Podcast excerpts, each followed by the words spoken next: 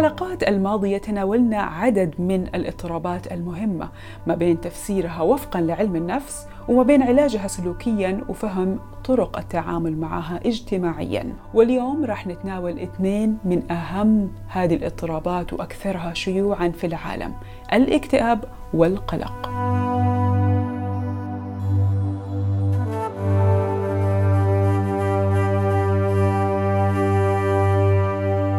للاكتئاب والقلق أعراض كثيرة.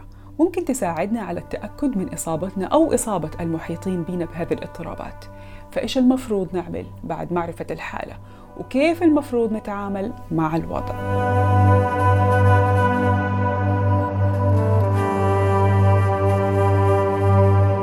أهلا وسهلا بكم في حلقة جديدة من بودكاست عين العقل. معي أنا ميساء العمودي. وضيفتي لهذا الشهر هي المدربة للعلاقات الأسرية آية فاروق اللي راح أبحث معاها في حلقة اليوم عن اثنين من أشهر الحالات المرضية في يومنا هذا وهما الاكتئاب والقلق.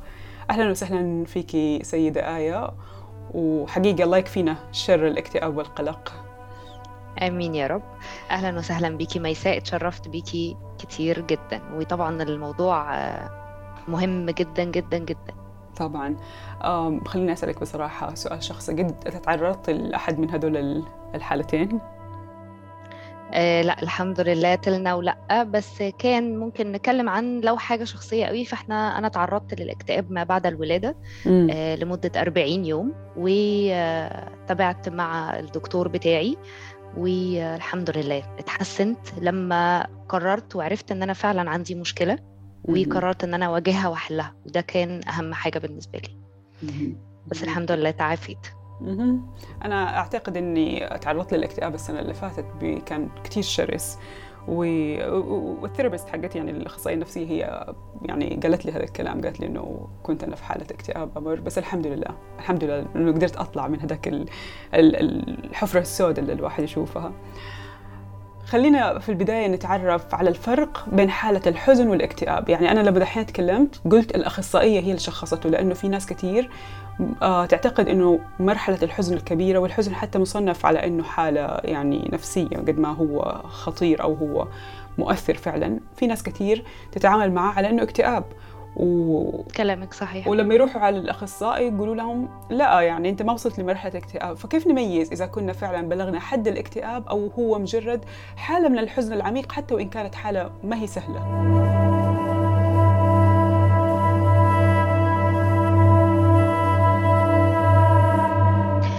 الحزن نقدر نصنفه على إنه إحساس مؤقت.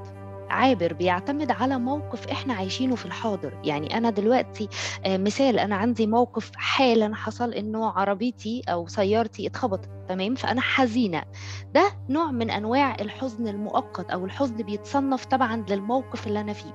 بيزول بزوال السبب بمعنى إن بمجرد ما سيارتي بتتصلح بكون أنا مش حزينة برجع لعادتي اليومية أو بكون كويسة.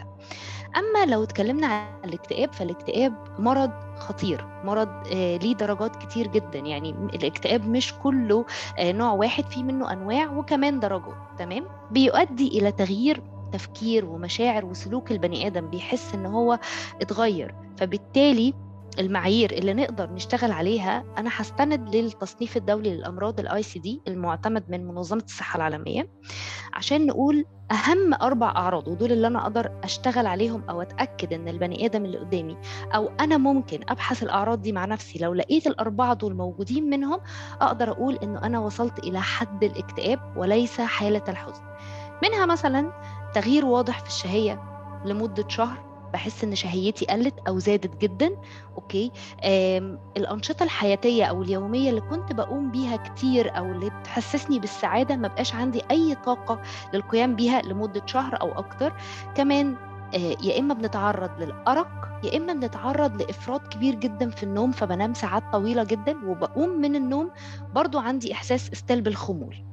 شعور مبالغ فيه بقى ما بين حاجتين مختلفتين تماما. يا إما بحس إني عندي إحساس كبير جدا بالذنب ناحية نفسي أو ناحية المجتمع أو بحس إن أنا شخص دون قيمة تماما. دول أكتر أربع حاجات أو أكتر أربع أعراض أقدر أنا أقيم إنه أنا عندي فعلا وصلت لحد الاكتئاب وأنا I need therapist أو دكتور نفسي أو أقدر أقول إنه لأ أنا ما عنديش الأعراض دي فأنا الحمد لله أنا بس محتاج أنا في حالة حزن فأقدر بزوال السبب أو بتغيير المكان أو بتغيير الحالة اللي أنا فيها أقدر أعود لحياتي اليومية بشكل طبيعي. طيب إذا تكلمنا عن التشخيص المختصر للاكتئاب كيف بيتشخص؟ التشخيص المختصر للاكتئاب أو نقدر نقول الأسباب المؤدية ليه يعني أوكي؟ نعم.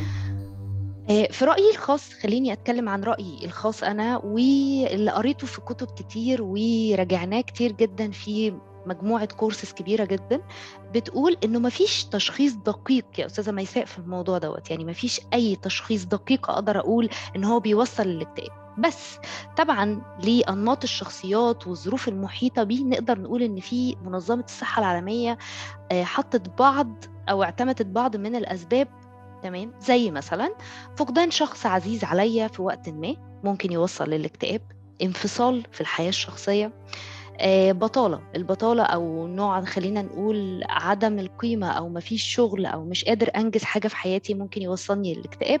وحاجة مهمة جدا ناس كتير ما بتلتفتش ليها التربية الخاطئة أو الكالتشر أو آه، طريقة تعاملي مع الأولاد أو مع الأطفال في سن صغير ممكن يصيبهم بعد كده في المستقبل بالاكتئاب. وخليني أقول لك إن في أمراض كمان بدنية ممكن توصلنا للاكتئاب. يعني ال physical diseases ممكن توصلنا للاكتئاب زي الأنيميا. زي أمراض القلب زي نقص بعض ال vitamins عشان كده لما بيجي لنا حد client عنده مشكلة أو بيقول أنا بعاني من الاكتئاب الأول المفروض إن أنا بخضعه لبعض التحاليل الطبية. لأنه ممكن جدا مع زيادة أو أخذ أو زيادة معدل الفيتامينات في جسمه أو في الدم ممكن يبتدي يعود لنشاطاته الحياتية وما يكونش الموضوع ليه علاقة آه، بأسباب نفسية ممكن يكون ليه علاقة بأسباب جسدية.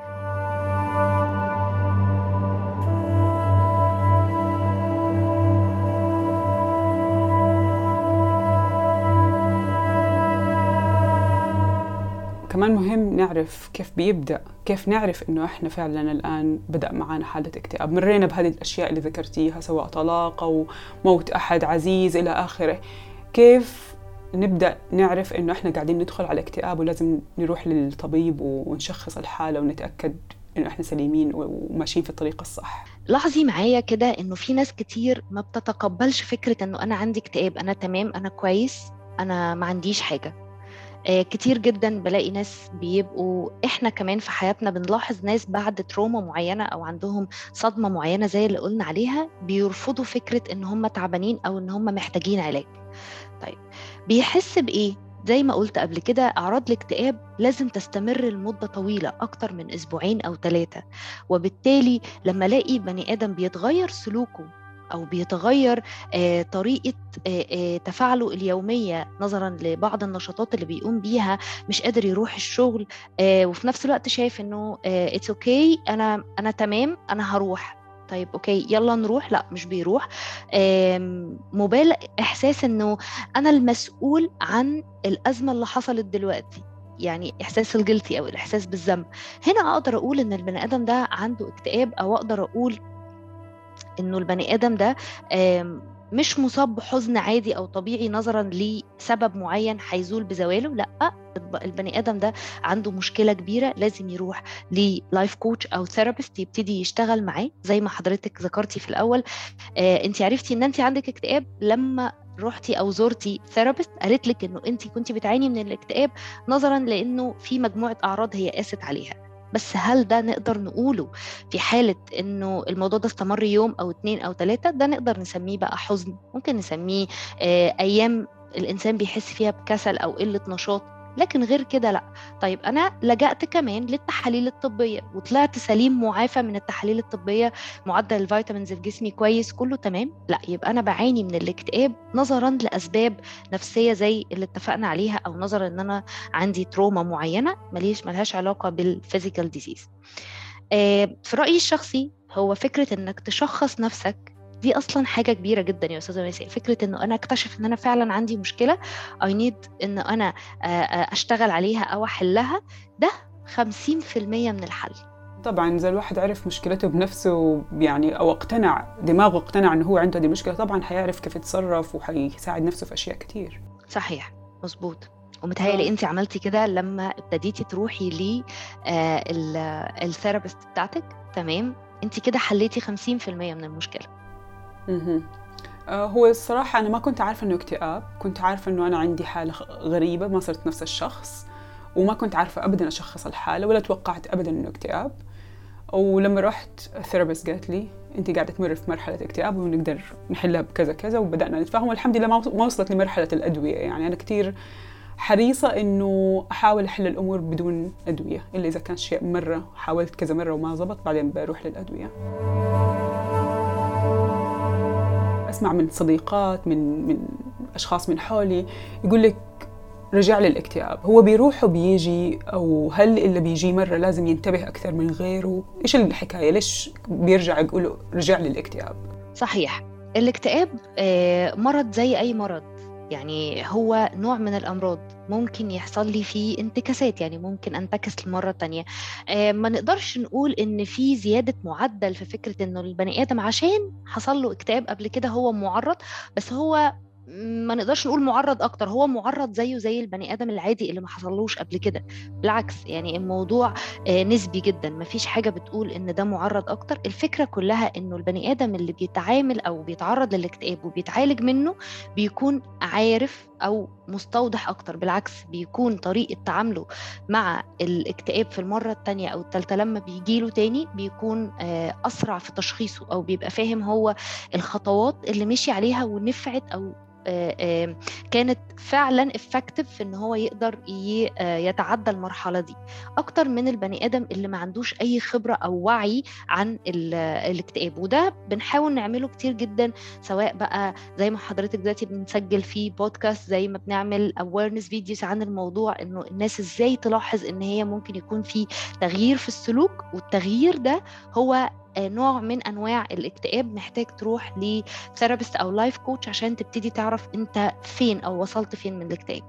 فمع مع إن هو بيرجع لازم الأول أتحلى بحاجة اسمها ال acceptance أو التقبل. إنه زيه زي الانفلونزا زيه زي أي مرض physical ممكن يجيني مرة تانية وابتدي أعرف فعلا أو يبقى عندي وعي كافي من المرة الأولانية أو يبقى عندي وعي كافي already حتى لو ما جاليش قبل كده إزاي أقدر أتعامل معاه. فهو لو السؤال بيقول هل في انتكاسات؟ آه في انتكاسات. زيه زي أي مرض طبيعي.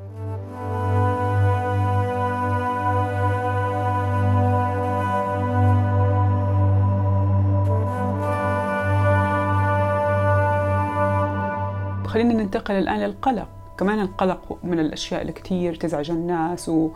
ودائما أنا أقول يعني من الأشياء اللي سمعتها من الثيرابيست إنه كيف بيقولوا الفرق بين الاكتئاب والقلق إنه الاكتئاب هو بيخلينا نفكر في الماضي كتير بس القلق بيخلينا نفكر في المستقبل أكتر وبيقلقنا بشكل يعني عن المستقبل اللي إحنا ما إحنا عارفينه المجهول. كيف نميز بين القلق والخجل؟ لأنه هناك كنا نتكلم عن الحزن والاكتئاب الآن عندنا قلق وخجل. آه طيب خليني أستعين ب آه من أحسن التعبيرات اللي ممكن يوضح لنا الفرق ده ما بين القلق والخجل من آه كتاب دكتور بسام البطحي في مستشارك النفسي من الأوهام للطمأنينة. كان بيتكلم في النقطة دي بيقول إن الخجل والقلق إن الخجل بيزول أعراضه مع المخالطة أو التعرف على الناس أكتر. تمام؟ أما القلق أو خلينا نتكلم عن ال social anxiety أو القلق الاجتماعي ده بيزداد جدا جدا مع المخالطة. بمعنى خلينا نفرق أكتر أو نستفيد في النقطة دي إنه الخجل بيبقى بمجرد إني بتعرف على ناس جديدة فما بقدرش أفتح معاهم مواضيع فببتدي أكون عندي شوية خجل بتزول بمجرد ما حد من الأشخاص دي يبدأ يفتح معايا ال conversation أو موضوع للمناقشة أبتدي أتعرف على الشخص أكتر أستريح معاه في الكلام فالخجل بيزول بزوال المخالطة أو sorry بزوال ال ال السبب اللي كان موجود عشانه بمجرد ما المخالطة تتم أتعرف على الناس أكتر الخجل راح وما بقاش موجود. أما ال social anxiety أو القلق الاجتماعي ده بيزداد عند المخالطة بمجرد ما بعرف إنه أنا النهارده عندي presentation أو خارج أقعد مع ناس أو هتعرف على ناس جديدة بيحصل حاجات كتير. أعراض منها مثلا زي إني بعرق جامد جدا ممكن أعرف من نقطة زي دي أحس إن أنا عايز أمشي من المكان الرغبة طبعا في الانعزال. لازم بتجنب الناس على قد ما أقدر يعني دايما بيكون تعاملي مع الناس من أماكن بعيدة من خلال ناس مقربين جدا جدا ليا بحس إني في تسارع في دقات القلب بشكل كبير منها بيوصل لألم في المعدة في بعض الأحيان لدايرية في بعض الأحيان حاجات كتير جدا جدا ممكن أقول منها إنه لأ الإنسان ده ما يتصنفش إن هو إنسان خجول ده يتصنف إنه عنده social anxiety أو عنده مرض القلق الاجتماعي. بس خليني أقول إن الخجل زي ما كنا بنفرق ما بين الحزن والاكتئاب القلق والخجل دي حالة بتزول وقتية طبعا لموقف ما. أما القلق والاكتئاب فهي حالات مرضية بتستدعي العلاج أو التركيز عليها. هو ده اللي إحنا محتاجين نوضحه. بس أحيانا كثير توصل في الاكتئاب وفي القلق توصل ل panic attack ما أعرف بالعربي إيش المفروض نقول يعني حالة هلع يمكن. أو آه توصل أحيانا لأعراض توتر كبيرة. وشفت أن ناس صراحة عندهم يكون anxiety آه وقلق كبير. وتشوفيهم يعني خلاص لازم نبعد ونديهم مساحتهم لأنه بيوصل معاهم الموضوع بمبالغة. يعني شفت حالات صراحة كانت موترة. زي ما هم متوترين بتوتر أنا كمان من الخارج لأنه بيكونوا أصدقاء وكذا فتحس إنك تتعاطفي وتبغي تساعديهم. متى توصل لهذه المراحل؟ كيف بيكون المفروض؟ هل لازم بياخذوا أدوية بيوصلوا لهذه المرحلة؟ أقول لك على حاجة خليني أوضح الموضوع أكتر. إيه إحنا اتفقنا إنه الاكتئاب أقدر لو أنا أو شخص إيه قريب ليا ممكن يقول إنه أنا عندي اكتئاب لو لاحظ عليا مجموعة الأعراض اللي اتفقنا عليها قبل كده لمدة شهر. تخيلي بقى إن ال social anxiety أو القلق الاجتماعي أقدر أصنفه أو اخلي أتأكد إن هو social anxiety لما يتم الأعراض اللي إحنا قلنا عليها دي كلها ست شهور أو أكتر. تمام؟ طيب القلق الاجتماعي أنا هاخد من كلامك زي ما انت قلتي بالظبط القلق بيوصل فعلا ساعات لنوبات الهلع أو الرهاب الاجتماعي اللي بيخليني فعلا أنا بالتالي أبقى متوترة ومش عارفة أتعامل إزاي. المفروض في الوقت دوت زي ما قلتي أنا باخد step back أو برجع لورا بديله مساحته الشخص دوت عشان يعرف يتعامل مع نفسه أو لو أنا عندي طريقة لشخص قريب منه بستدعيه عشان يقدر ي control ال situation اللي إحنا فيه ويقدر يساعد الشخص اللي عنده القلق الاجتماعي. بس لو اتكلمنا على فكرة العلاج أو طرق العلاج من الموضوع دوت طب هناخدها من ناحيتين. عندنا ال chemical زي ما انت قلتي اللي هي ال SSRI دي مضادات الاكتئاب والقلق ممكن هنا نبتدي نتكلم عن طرق العلاج بالنسبة للاتنين لأنه في حاجات كتير بينهم مشتركة ما بين العلاج الاكتئاب والقلق فإحنا مش هنتطرق لفكرة العلاج الكيميائي. هقول لك العلاج الكيميائي في مضادات بتكون للقلق والاكتئاب واللي هي هي معمولة بناء على كده. بس أنا مش هتدخل فيها لأن دي من اختصاص الدكتور النفسي okay؟ أما أنا هشتغل على ال psychotherapy تمام؟ دي حاجات بنشتغل عليها في الحالتين. هقول لك إيه الحاجات اللي بنشتغل عليها أو طرق العلاج اللي بنشتغل عليها ك psychotherapy بالنسبة للاكتئاب وبعدين هقول لك بالنسبة للقلق ودرجة التشابه ما بينهم. لو اتكلمنا عن ال psychotherapy هنتكلم فيها عن نوعين تمام؟ ال relaxation skills أو مهارات الاسترخاء اللي بتوصلنا لحاجة اسمها ال cognitive skills اللي هي المهارات المعرفية. يعني أعمل إيه؟ كل اللي أنا هقوله دلوقتي آه هو الأفضل إني أنا بروح بمجرد اكتشاف إنه أنا أو تاكدت أو عرفت أو شكيت إنه أنا وصلت الحالة لدرجة أو لحد من الحزن إلى الاكتئاب اتنقل الموضوع للاكتئاب فهبتدي أروح ل therapist عشان أشتغل معاه على النقط دي أو أحاول أشتغل بيها مع نفسي مبدئيا لحد ما أوصل ل therapist معين. مبدئيا إحنا ال meditation واليوجا من الحاجات المهمة جدا جدا في معالجة الاكتئاب. ليه؟ لأن هي بتخليني أركز جدا على نفسي أو أركز على العنصر الداخلي جوايا فبتوصلني لفكرة إني بشوف أفكاري. فابتدي أعمل ال thought records بعد ما أعمل ال meditation أو اليوجا لما امسك ورقة وقلم بعد الجلسة دي هلاقي نفسي مركز قوي وصافي الذهن فأقدر أطلع الأفكار من دماغي وأحطها على ورق وأبتدي أشوفها بالطريقة الصحيحة. تغيير شكل الفكرة جوه دماغي نوع كبير أو جزء مهم جدا من الحل للاكتئاب. بمعنى إني هعمل attention distraction لنفسي إنه أنا دلوقتي عندي فكرة معينة negative خرجت بعد ال meditation هبتدي أخدها وأحولها ل positive idea أو pos أو آه، فكرة إيجابية. طب أعمل كده إزاي؟ هقول لك. يعني أنا دلوقتي خدت نص ساعة عملت فيهم meditation سواء في البيت أو سواء مع coach أو كده خلصته وخدت الورقة والقلم وروحت البيت وابتديت أشتغل على إنه النهارده كان يوم سيء جدا جدا من أوله. طيب دي الفكرة السلبية. هحولها إزاي لفكرة إيجابية؟ هبتدي أعمل ال thought record منها أعمل ال attention distraction يعني النهارده الفكرة الأساسية اليوم كله وحش. أبتدي أشتغل 1 2 3 النهارده أنا صحيت من النوم معافى سليم. يعني إيه معافى سليم؟ يعني أنا قمت من النوم قدرت أمشي على رجليا قدرت أتكلم في التليفون لسه بتنفس. دي كلها أفكار إيجابية دي كلها حاجات كويسة. الحمد لله. اتنين عربيتي اتخبطت. أيوه دي فعلا فكرة سلبية. بس أنا عندي حد أقدر الحد ده يقدر يصلح لي العربية في خلال 2 دايز أو يومين. فبالتالي الفكرة السلبية أو الحاجة السلبية اللي حصلت أنا حولتها أهو لحاجة إيجابية. طيب ثلاثة أنا رحت أخد القهوة بتاعت بتاعتي من مكان كويس فقال لقيت المكان مقفول. بس لقيت مكان جنبه اكتشفت إن القهوة عنده لطيفة جدا فاكتشفت مكان جديد. حولت تاني فكرة سلبية لفكرة إيجابية.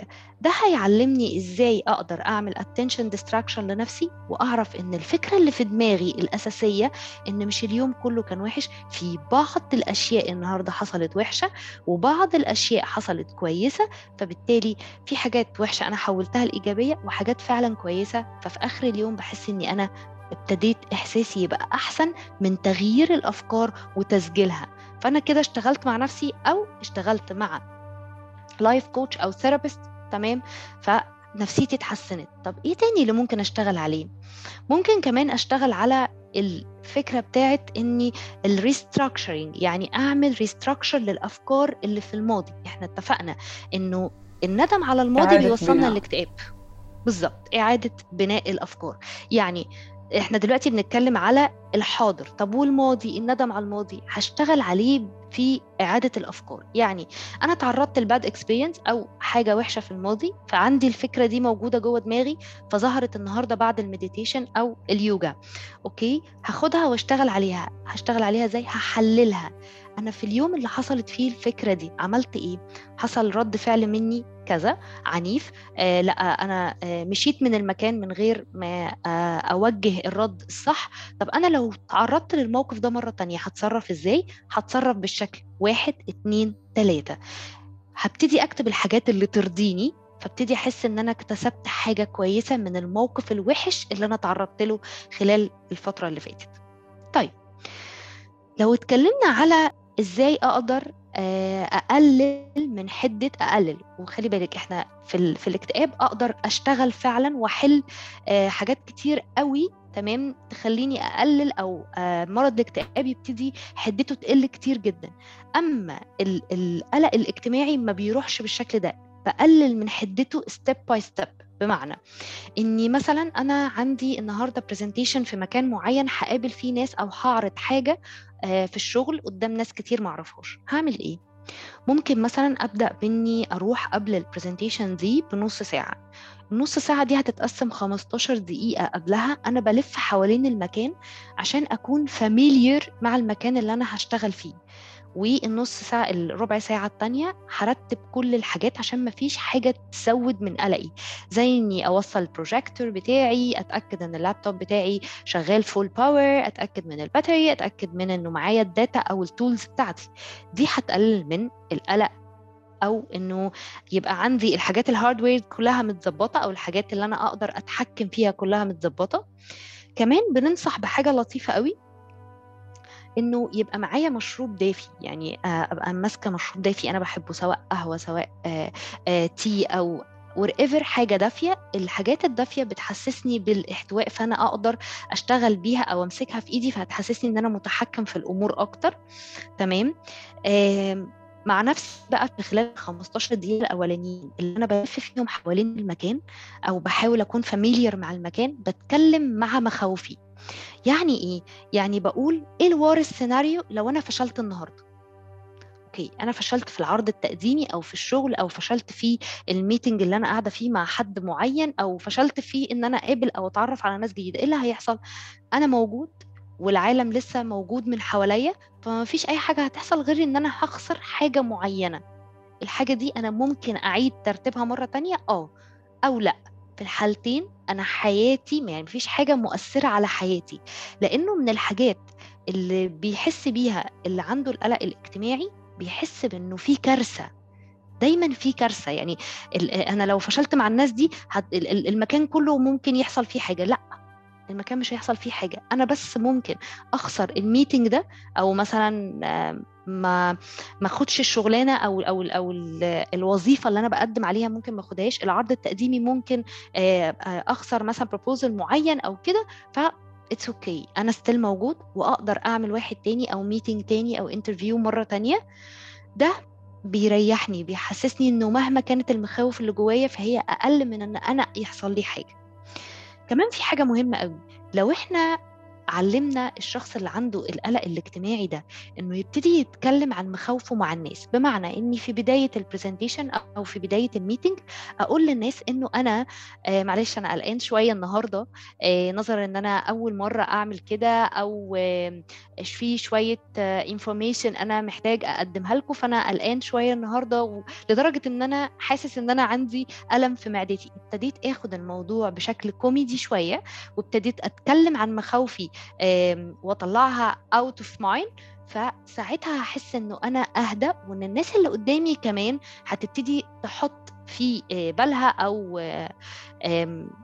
معاها يعني إنه أنا عندي لسه قلقان شوية. ف it's okay okay. كل ده بيخليني أحس إن أنا more calm أقدر أشتغل أحسن.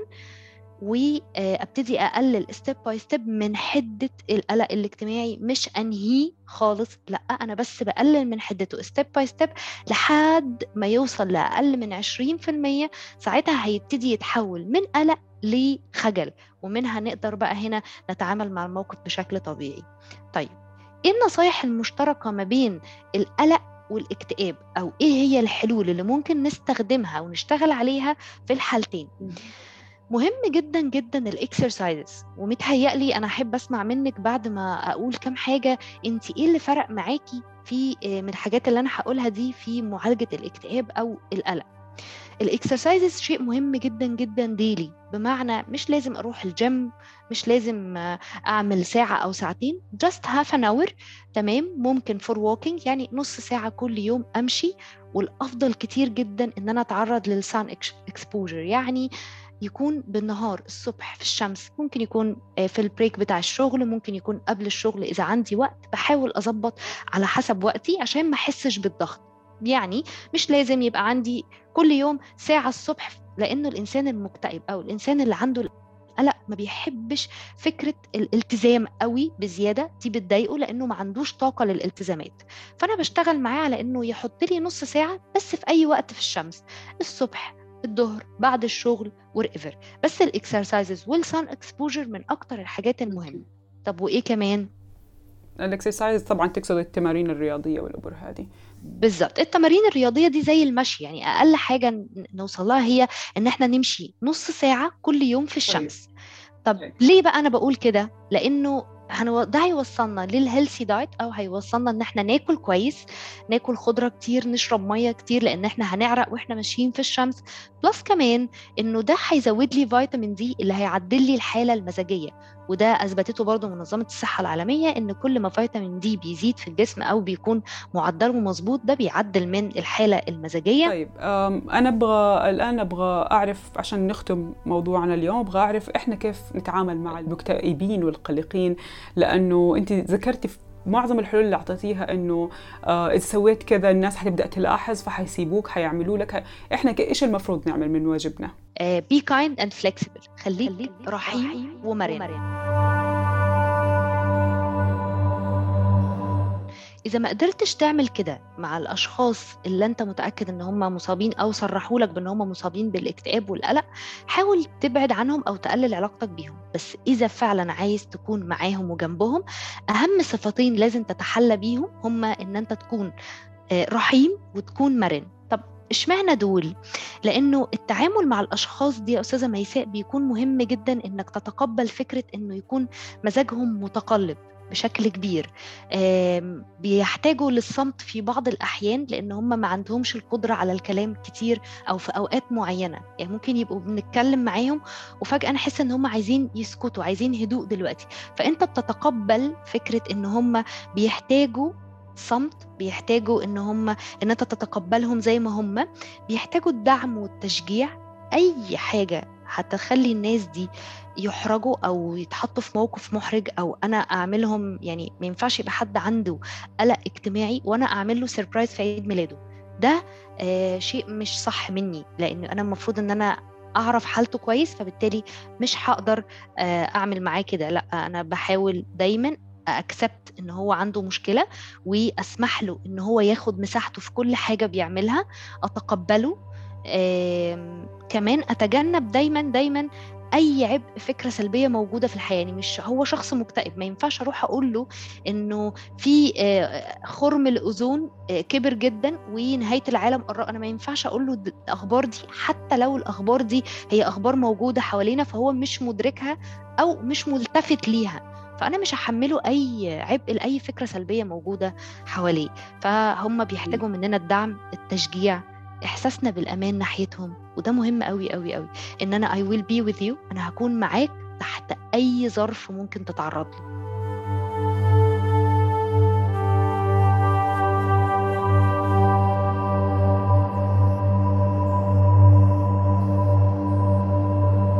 أستاذة آية أشكرك جزيل الشكر على هذه المعلومات المفيدة فيما يتعلق بموضوع اليوم الاكتئاب والقلق. أتمنى أن المستمعين كمان قدروا يستفيدوا من حلقة اليوم زي ما أنا بصراحة استفدت كثير في الحلقة القادمة راح نتعرف معك على موضوع مو مرة بعيد هو الانفصال والطلاق اللي غالبا بيصاحبهم شيء من الاكتئاب والقلق. فتابعونا. إلى اللقاء.